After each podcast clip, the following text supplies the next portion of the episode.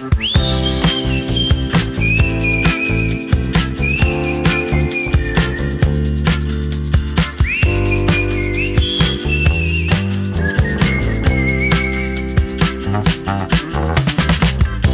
dia, Sílvia. Bon dia. Com anem? Bé. I tu? Bé. Escolta, jo tinc una anècdota mm, sucosa Ah, sí? Explica, explica. de persona famosa. Oh! No, bé, o sigui, no n'hi ha per tant. Però l'altre dia vam fer una reunió de veïns per decidir si posem Oh. una... No, no, no és sobre aquell veí. Ah, no? Vam fer una reunió a la qual no va assistir el famós veí sorollós Ah, normal. i aquesta reunió era per decidir si posàvem un ascensor o no a l'edifici. Ah, mira. La idea de l'ascensor encara és més lluny que no abans, però eh, el que va ser divertit és que just a l'entrar, clar, en aquesta reunió hi havia no només persones que viuen a l'edifici, sinó també propietaris que normalment no hi són, no? Ah, d'acord. I una d'aquestes persones, quan vaig entrar jo, va dir, Andreu? jo, sí. I diu, ets l'Andreu d'Easy Catalan? I jo, ehm, hola, sí. I diu, faig servir els teus vídeos amb, amb els meus alumnes, no sé què. I jo, ah, Ah, de veritat? sí. Total, que ara ja tota l'escala sap que faig eh, vídeos de YouTube. Uau. Per això ara aquests últims dies hem tingut tants... No, no, és broma. ah, Bé, en fi, que bo, va ser no? divertit. Això sempre fa, sempre fa una mica de, de por, no? Perquè quan et diuen Andreu i tu... Mm, sí? no saps a veure de quin peu calcen, no? Exacte. Però bé, va ser una situació divertida. És una professora que és de Camarasa, però Ah, treballa mira. a Cornellà, la Mm. ciutat del, del Joan. Uh -huh. I, I mira, fa servir els podcasts també, i el que em va agradar molt, i diu molt d'aquesta professora, és que s'escolte els podcasts i, se, i es mira els vídeos, òbviament, doncs, abans de recomanar-los, no? Però Clar. que s'escolte tots els podcasts. Ui, ui, o sigui que et coneix perfectament. I, sí, sí, vull dir, i que tot i no ser el target, diguem-ne, d'aquest podcast, perquè és, en primer lloc són els aprenents, no? Sí. Doncs ella s'escolta tots els episodis. Vull dir que un aplaudiment des d'aquí a, a aquesta persona i a totes les altres que, que són nadives i que ens escolten, no? Oh, i tant. O sigui que... Molt bé. Bé, però aquesta és una anècdota mm, que no, no és important. Avui hem vingut a parlar aquí de coses molt més importants i és que mm, últimament eh, hi ha hagut molta activitat política aquí Oh, al tant. país, no? Sí. Podem recordar a veure què ha passat últimament, Sílvia. Últimament ha passat que han, han donat les meses i no m'ha tocat altra vegada. Ué! D'acord, és a dir, d'aquí poc hi haurà eleccions. Sí. Concretament, aquest diumenge hi haurà eleccions generals a l'estat espanyol. És a dir, les eleccions per triar el partit que governarà, no? I el president, al final. Exacte. I al maig vam tenir les eleccions municipals a tot l'estat. Sí, i, i en algunes comunitats autònomes també van triar el president. Correcte. En algunes comunitats també van fer les, les de la comunitat autònoma, en el nostre cas no, Mm -hmm. perquè el nostre calendari va una mica diferent.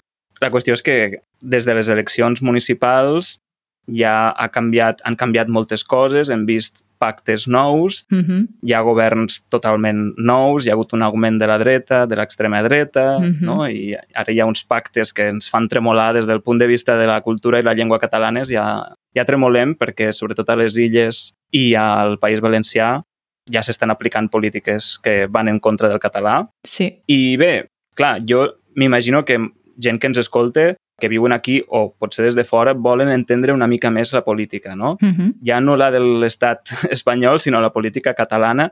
I jo crec que avui el que hauríem de fer, abans d'entrar en qüestions de les eleccions generals i això, és veure quins partits tenim aquí, quins són els partits principals no? Doncs vinga. que tenim a, a Catalunya. Mm -hmm. I per això hem convidat a la politòloga del nostre equip, la fantàstica Aleida. Hola, Aleida. Hola! Hola, hola. Com estàs? Molt bé, molt contenta de que em torneu a convidar. I tant. A veure, és que com a persona que està implicada políticament crec que pots aportar molt en un episodi com aquest i per això t'hem convidat. Així que, a veure, jo us proposo, avui no serà tant una entrevista a la Leida, sinó que tenim aquí la Leida per ajudar-nos a desfilar una mica o a veure les característiques dels partits que tenim, no? Mm -hmm. Per tant, potser, primera pregunta, podríem dir com és el nostre sistema polític o com funcionen les eleccions aquí? Sí, a veure, Així com a, a grans trets, uh -huh. La definició de, del sistema polític, diguéssim, de l'estat espanyol és que és una monarquia parlamentària, mm. és a dir, hi ha un rei, en aquest cas, i una família reial. El que passa que no tenen molt de, de poder polític, diguéssim que la, la major part del poder polític es reparteix entre el Congrés dels Diputats, que diguéssim que són les Corts que estan situades a Madrid, que representen tot l'estat espanyol, i després cada comunitat autònoma té les seves Corts particulars, que en el cas de Catalunya doncs és el Parlament de Catalunya, i després doncs, hi ha les Corts Valencianes, i el Parlament de les Illes Balears i, i la resta de comunitats. Llavors això, per una banda, diguéssim que és com s'articula el sistema polític. Uh -huh. Per tant, aquestes eleccions que hi haurà diumenge són per decidir què? Els diputats que conformen el Congrés de Diputats de Madrid. Cada província, això es distribueix per províncies, tria un, un número concret de diputats segons la població que té, que els representen a, a les Corts de Madrid. Uh -huh. D'acord ja avanço que en el bonus d'aquest episodi ens centrarem a parlar d'aquestes eleccions generals, d'acord? De l'estat espanyol, però, uh -huh. com hem dit, en aquest episodi parlarem dels partits principals que tenim a Catalunya per veure doncs, quin nom tenen, quina ideologia tenen, com els podem classificar, no? Uh -huh. I tot això. Respecte al sistema polític, hi ha alguna característica concreta que calgui destacar de com funcionen les eleccions? Mm. Hi ha una, una característica que sobretot és molt diferent d'altres països com el Regne Unit o els Estats Units, que és que nosaltres no votem a una persona concreta, no votem a un sol candidat que representa per districte, per exemple, com passa als Estats Units, no? sinó que votem a una llista de persones. Llavors, estan ordenades de l'1 al número que sigui, segons el màxim que podrien obtenir de, de seients, doncs, diguéssim, de diputats o de regidors en un, en un municipi. Llavors, tants vots tenen, tants seients obtenen, diguéssim. Llavors, si treuen 500 vots, diguéssim, doncs són 5 cadires, no? Doncs de l'1 al 5 entren les persones de la llista. Llavors, en cas que un renunciï i passa alguna cosa, entra el següent de la llista. En aquest cas, no hem de tornar a fer eleccions en cas que, doncs, que, que hagi de marxar alguna persona, a no ser doncs, que es demani una reelecció per algun tema més greu, no? Però diguéssim que la diferència principal és aquest sistema de llistes que la majoria estan conformades, o sigui, són candidatures que preparen els partits, que són doncs, organitzacions, que, que són equivalents als partits que hi ha en altres països, però sí que la característica és que, sobretot a Catalunya, n'hi ha molts. No és mm. com en altres països que, que només n'hi ha dos, no? Mm -hmm. Llavors, en aquest cas, no, no hi ha primàries, a no ser que ho decideixi el mateix partit de manera interna, no hi ha segones voltes, diguéssim que tot va a través d'aquesta conformació de, de llistes. Mm. D'acord, doncs ara anem a fixar-nos en el Parlament de Catalunya i quins són aquests Vinga. partits que ara mateix hi ha represent representació. Sílvia, a veure, a veure. posem a prova.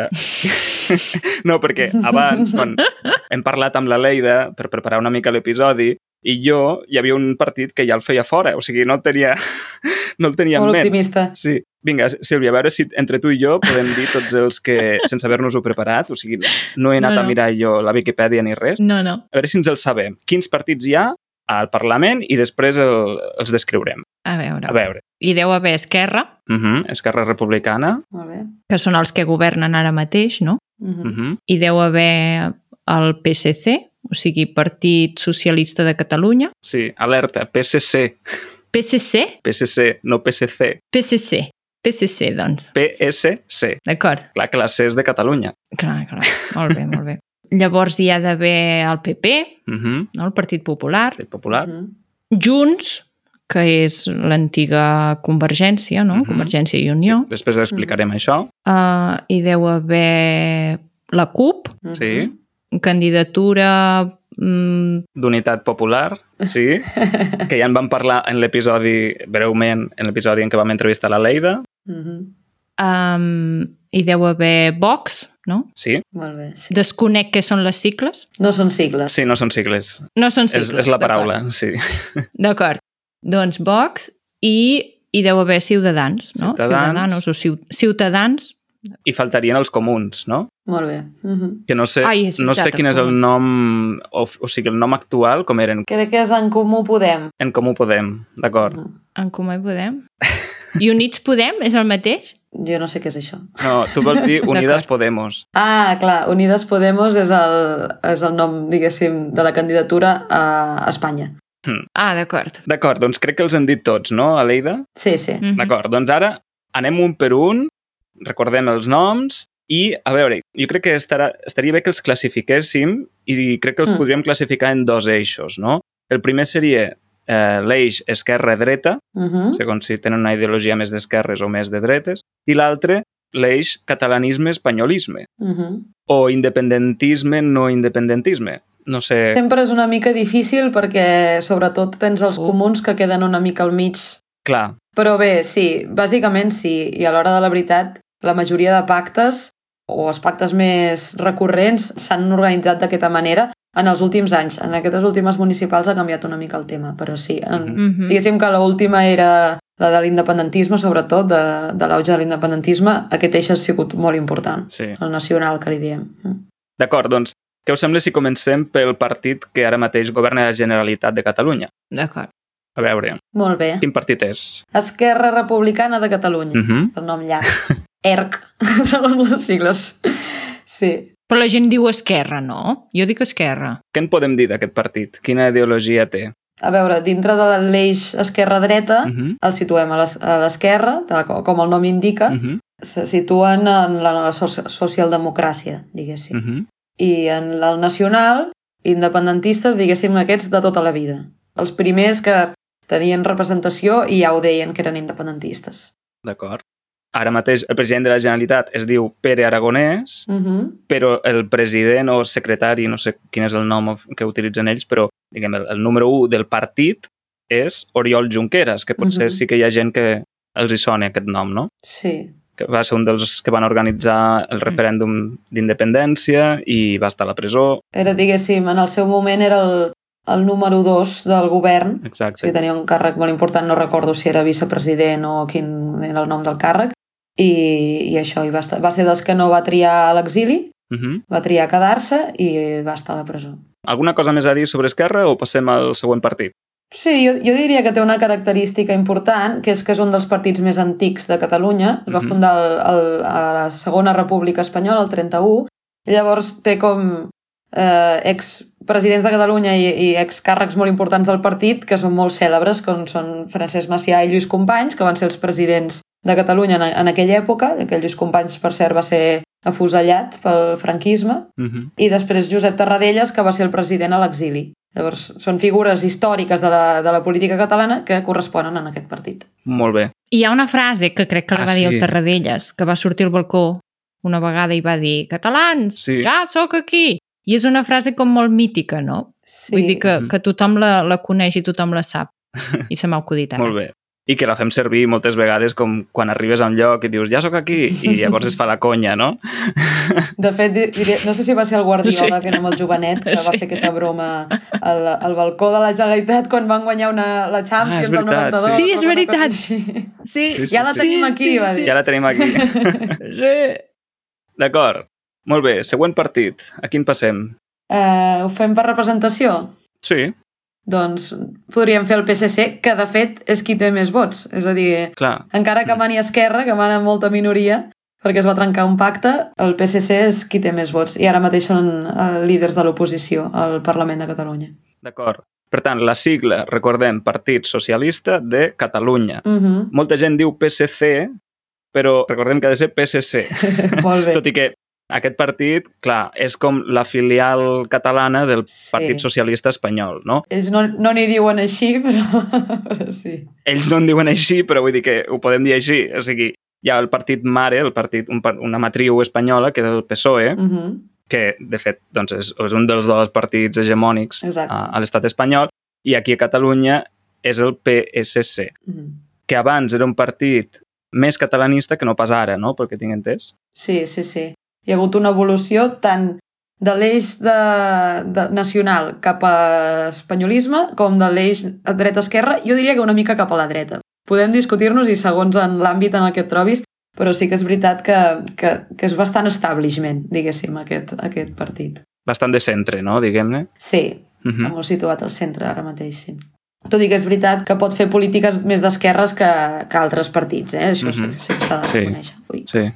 És curiós perquè ara estàvem parlant d'això de les cicles, no? que el PSOE té el PSC aquí a Catalunya, però llavors si és el, el País Valencià és PSPB baixa. Sí, Mhm. Eh que sí? Eh que uh -huh. no ho dic malament? Correcte. I va canviant segons cada lloc, diria, no? Diria que hi ha llocs en què és PSOE i ja està, però sí que n'hi ha alguns llocs que... A Galícia, per exemple, també que sí que canvia les sigles. Ah, veus? D'acord. Què més podem dir d'aquest partit? Algun, uh, algun nom que sigui representatiu? Sí, jo crec que potser el, el que més podem recordar és el Pasqual Maragall, tot i que encara formava part d'aquest PSC més catalanista, i sobretot és molt recordat, perquè a banda de que va ser president de la Generalitat, va ser alcalde de Barcelona mm -hmm. durant eh, els Jocs Olímpics. Mm -hmm. Llavors va, va ser el que va liderar un canvi molt gran a, a la ciutat, que hi ha gent que, que denuncia perquè es va fer una neteja que no, que no en tots casos va ser positiva perquè va haver gent que va haver de marxar de casa seva i tot això, però per altra banda hi va haver coses positives com el fet que doncs va, es va situar com a capital europea quan Barcelona no era el que és avui en dia. Llavors uh mhm. -huh. sí que va ser un punt d'inflexió molt important a, a Barcelona i, i a Catalunya en general. Sí, i curiosament el seu germà mm. Ara mateix està també, bé, és, és, ha sigut candidat a l'alcaldia de Barcelona, però per Esquerra, no pel PSC. Sí. Uh -huh. sí, també va estar molts anys al PSC, però com hem dit, els dos eren de l'ala més catalanista i quan el PSC es va decantar més per l'unionisme, és a dir, com en contra de l'independentisme, eh, va saltar cap a esquerra. I un altre trivial molt important d'aquesta família és que són, són descendents de, de Joan Maragall, que és un dels poetes més importants de, de, de la nostra literatura. Bon apunt com a coordinadora del Club de Lectura. Total. Molt bé, hem d'anar per feina perquè si no se'ns menjarà el temps. A quin partit passem ara? Doncs ara tocaria Junts, per aquesta lògica. Vinga, Junts.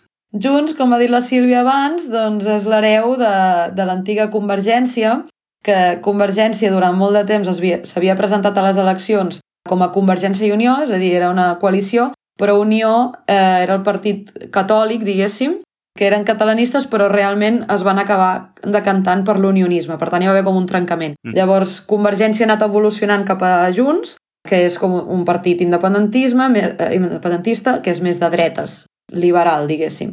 I és el partit del Carles Puigdemont, que va ser president, està a l'exili ara mateix, diguéssim que és la figura més coneguda, i de l'època de Convergència, doncs durant 23 anys, Jordi Pujol va ser president de Catalunya, per tant també una figura històrica molt important, una persona que ja va estar a la resistència antifranquista Clar. i va estar a la presó, i ara mateix doncs, eh, està esquitxat eh, per una trama de corrupció també de les més grans que encapçala ell i la seva família. Mm. I després el va succeir Artur Mas, que també va ser president i bé, va tenir també una, una importància en l'època de l'auge de l'independentisme.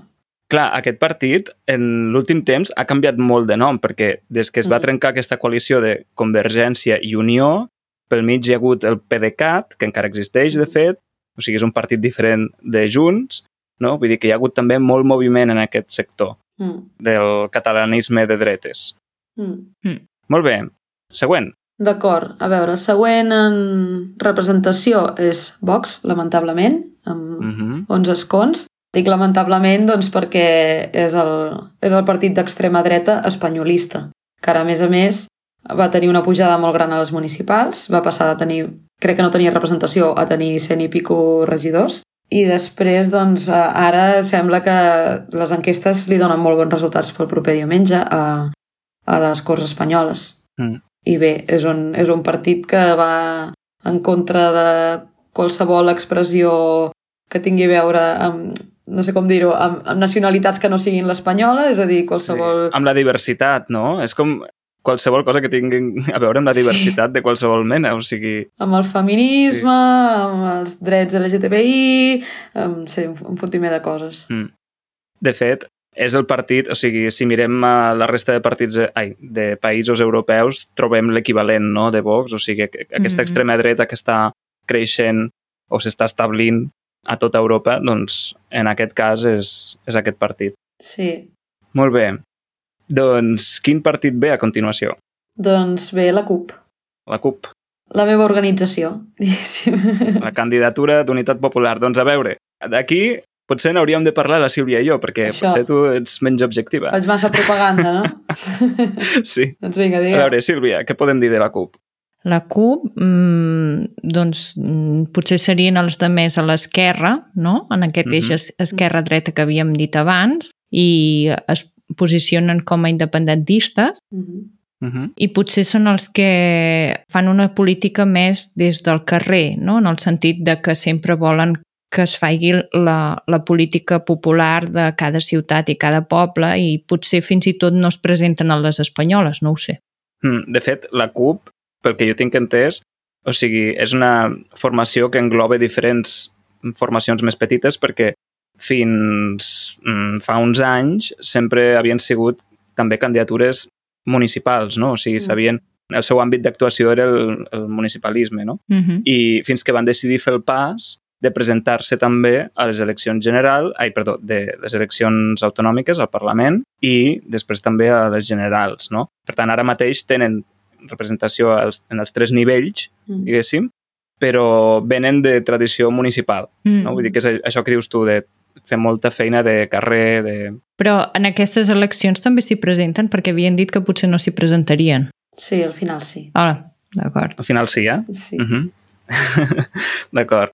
Clar, la CUP és un partit que va portar moltes sorpreses i, i tots generen, generen polèmiques, però la CUP n'ha portat algunes de molt interessants i divertides i, i personatges, o sigui, personatges polítics, em refereixo, des del meu punt de vista, molt interessants. Mm crec que van enriquir el discurs polític del Parlament quan, no sé, quan l'activitat parlamentària era més activa i més estimulant, crec que el, les seves aportacions eren molt interessants. I algun nom així representatiu podríem dir eh, David Fernández. Ma, el de l'Espardenya.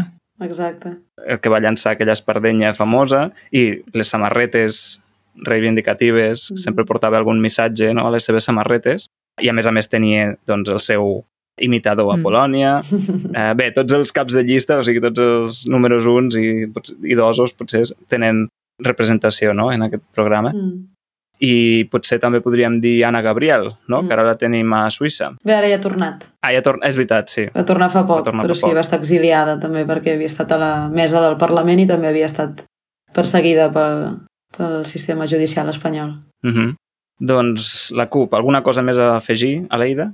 Jo afegiria com un tret de, una mica més de format, diguéssim, uh -huh. que és característic perquè, bé, ja ho heu comentat una mica, eh, però la, la formació és, és assembleària, llavors no som un partit a l'ús, no hi ha una executiva que decideix coses, sinó que el poder es reparteix en, en, en tots els militants, totes les persones que en formem part, podem decidir la línia política. Per això que deia la Sílvia abans, Ara no sé si es presenten o no, perquè vam debatre fa mes i mig, que a més això ha sigut molt ràpid perquè el Pedro Sánchez va convocar d'un dia per l'altre, doncs ens vam de, de reunir per decidir si anàvem o no. I això ho decidim entre tots i totes. Llavors, és aquesta la diferència que potser hi ha altres partits que diuen mira, som una executiva de 15 persones i entre nosaltres ens entenem, no? I en el nostre cas doncs, som 3.000, és molt difícil d'entendre's, però, però ho anem fent. I que, de fet, per això mateix, una de les polèmiques va ser aquella votació sí. en què s'havia de decidir, mira, ja no recordo ni què era, però era una cosa... Era el o Mas o Mars. Ah, sí, era una decisió important que havia de passar per les, base, per les bases i el resultat va ser 50-50 exacte. Exacte. No? I clar, vist des de fora, vam pensar, això és una conya, no? No, no, a vegades la vida és així, Però sí, sí, sorprenent. pot passar, pot passar. Molt bé, i ens queden els comuns. Ens queda, sí, encara ens en queden uns quants. Ens queden els comuns, que uh mhm. -huh. són els més difícils de situar en l'eix nacional, com dèiem abans, perquè bé, es, es, diuen que són federalistes, Eh, llavors, què sé, el, el 2017 amb el referèndum d'independència jo sé que moltes persones que militen els comuns van votar que sí, però després tampoc es posicionen a favor, no? Llavors sempre estan una mica eh, entre les dues aigües. I el que sigui en l'eix de dreta-esquerra, doncs es situen bastant, bastant a l'esquerra. D'acord. És, és important destacar el context en el que va aparèixer perquè va recollir una mica la indignació del moviment del 15M, que va ser el moviment dels indignats, que es va dir que també va tenir rèplica en diferents llocs de, del món. Mm -hmm. Mm -hmm la gent es reunia en assemblees a les places més importants i feien acampades i assemblees. Llavors, una mica de, després d'aquest moviment va sorgir en Comú, Podem, aquest tipus de partits que han acabat en coalició i han governat Barcelona fins ara fa poc, amb la, amb la de Colau. Mm. Correcte. Sí. Per tant, com a persona representativa, no del Parlament, però sí de- d'aquest grup polític, Mm. mm. doncs l'Ada Colau, que ha estat fins ara l'alcaldessa Sí. de Barcelona per dues legislatures. Mhm. Molt bé. PP? Bé, Ciutadans. Ah, Ciutadans. Tot i que, clar, Ciutadans gairebé el tenim fora del mapa perquè sembla que està a punt de desaparèixer. De fet, no s'ha presentat en aquestes eleccions generals. Vull dir, Uh -huh. que gairebé en podem certificar la mort. Però sí que és veritat que ha sigut un, un partit molt important per l'espanyolisme, concretament. De, diuen de centre, però en realitat són bastant de dretes. I són un partit que va néixer a principis dels 2000 eh, i va ser com molt revolucionari, molt polèmic. Volia trencar aquest binarisme a nivell espanyol de PSOE-PP. Llavors volia emportar-se una part del vot de la dreta i ho va aconseguir. I, i el fet més important, que en aquell moment doncs, va posar la cara l'Albert Rivera, Mhm. que va ser qui, diguéssim, un dels fundadors, i després la Inés Arrimadas, que van ser du dues figures molt importants a Catalunya, però que després també van tenir presència a Espanya, i van ser la, el primer partit que es va batallar contra el català, per dir-ho de manera Mm. planera, que van començar a parlar castellà al Parlament, que això no ho havia fet ningú, ni tan sols el PP, que va començar a dir totes aquestes mentides que el català es persegueix a l'escola, que els estrangers quan venen a Barcelona no poden parlar castellà i un munt de coses d'aquestes Sí.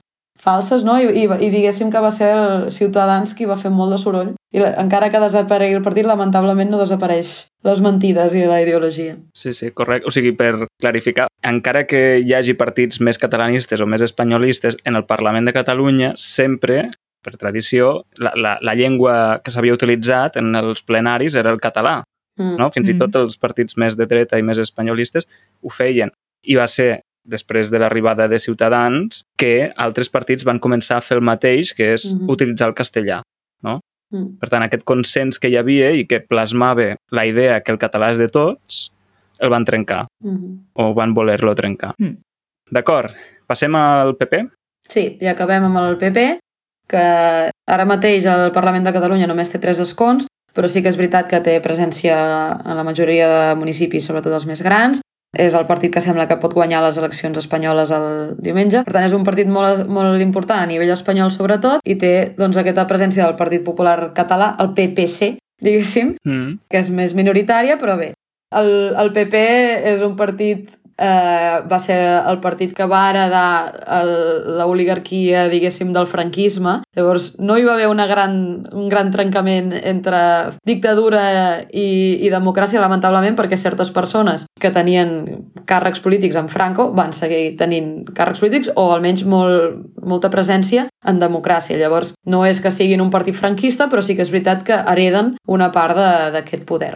Molt bé, doncs ens queda algun partit? No, del Parlament no. D'acord, doncs crec que ja podríem anar acabant l'episodi aquí, perquè si no ens Sí, allargarem podríem estar tot el moltíssim. dia. A més, si ens poséssim amb els partits valencians, els partits de les illes, Clar, clar, eh, no. acabaríem. Avui, avui per ens hem dia. centrat, exacte, avui ens hem centrat en Catalunya perquè si no és inabastable en, en, en un episodi. Sílvia, què t'ha semblat Molt dens. la repassada molt dens. política? A tu no t'agrada gaire aquest tema, no? No, sí que m'agrada, el que passa és que m'ab- Sí? m'avorreix bastant. Ja.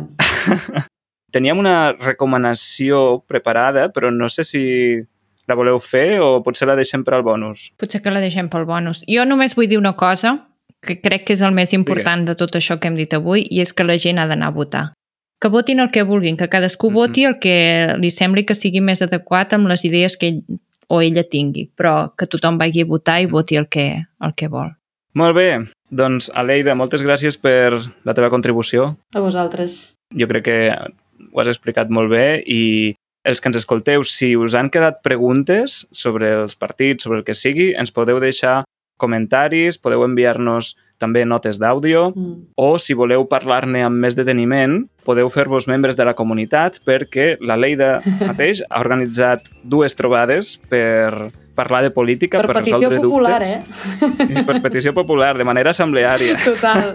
perquè hi ha certes persones que tenien aquesta inquietud i bé, És a dir, que a part de participar en el club de lectura i les altres xerrades que fem la Sònia, el Joan, el Camo, la resta de persones que en fan, doncs podeu també parlar de política si així ho voleu. Teniu l'enllaç, com sempre, és easycatalan.org barra membership. Moltes gràcies als que ja sou membres de la comunitat i ens doneu suport i també moltes gràcies doncs, al Departament d'Empresa i Treball de la Generalitat per permetre'ns continuar en aquest projecte tan xulo. Moltes gràcies a tothom i fins a la propera. Que vagi Adeu. bé. Adeu. adeu, adeu.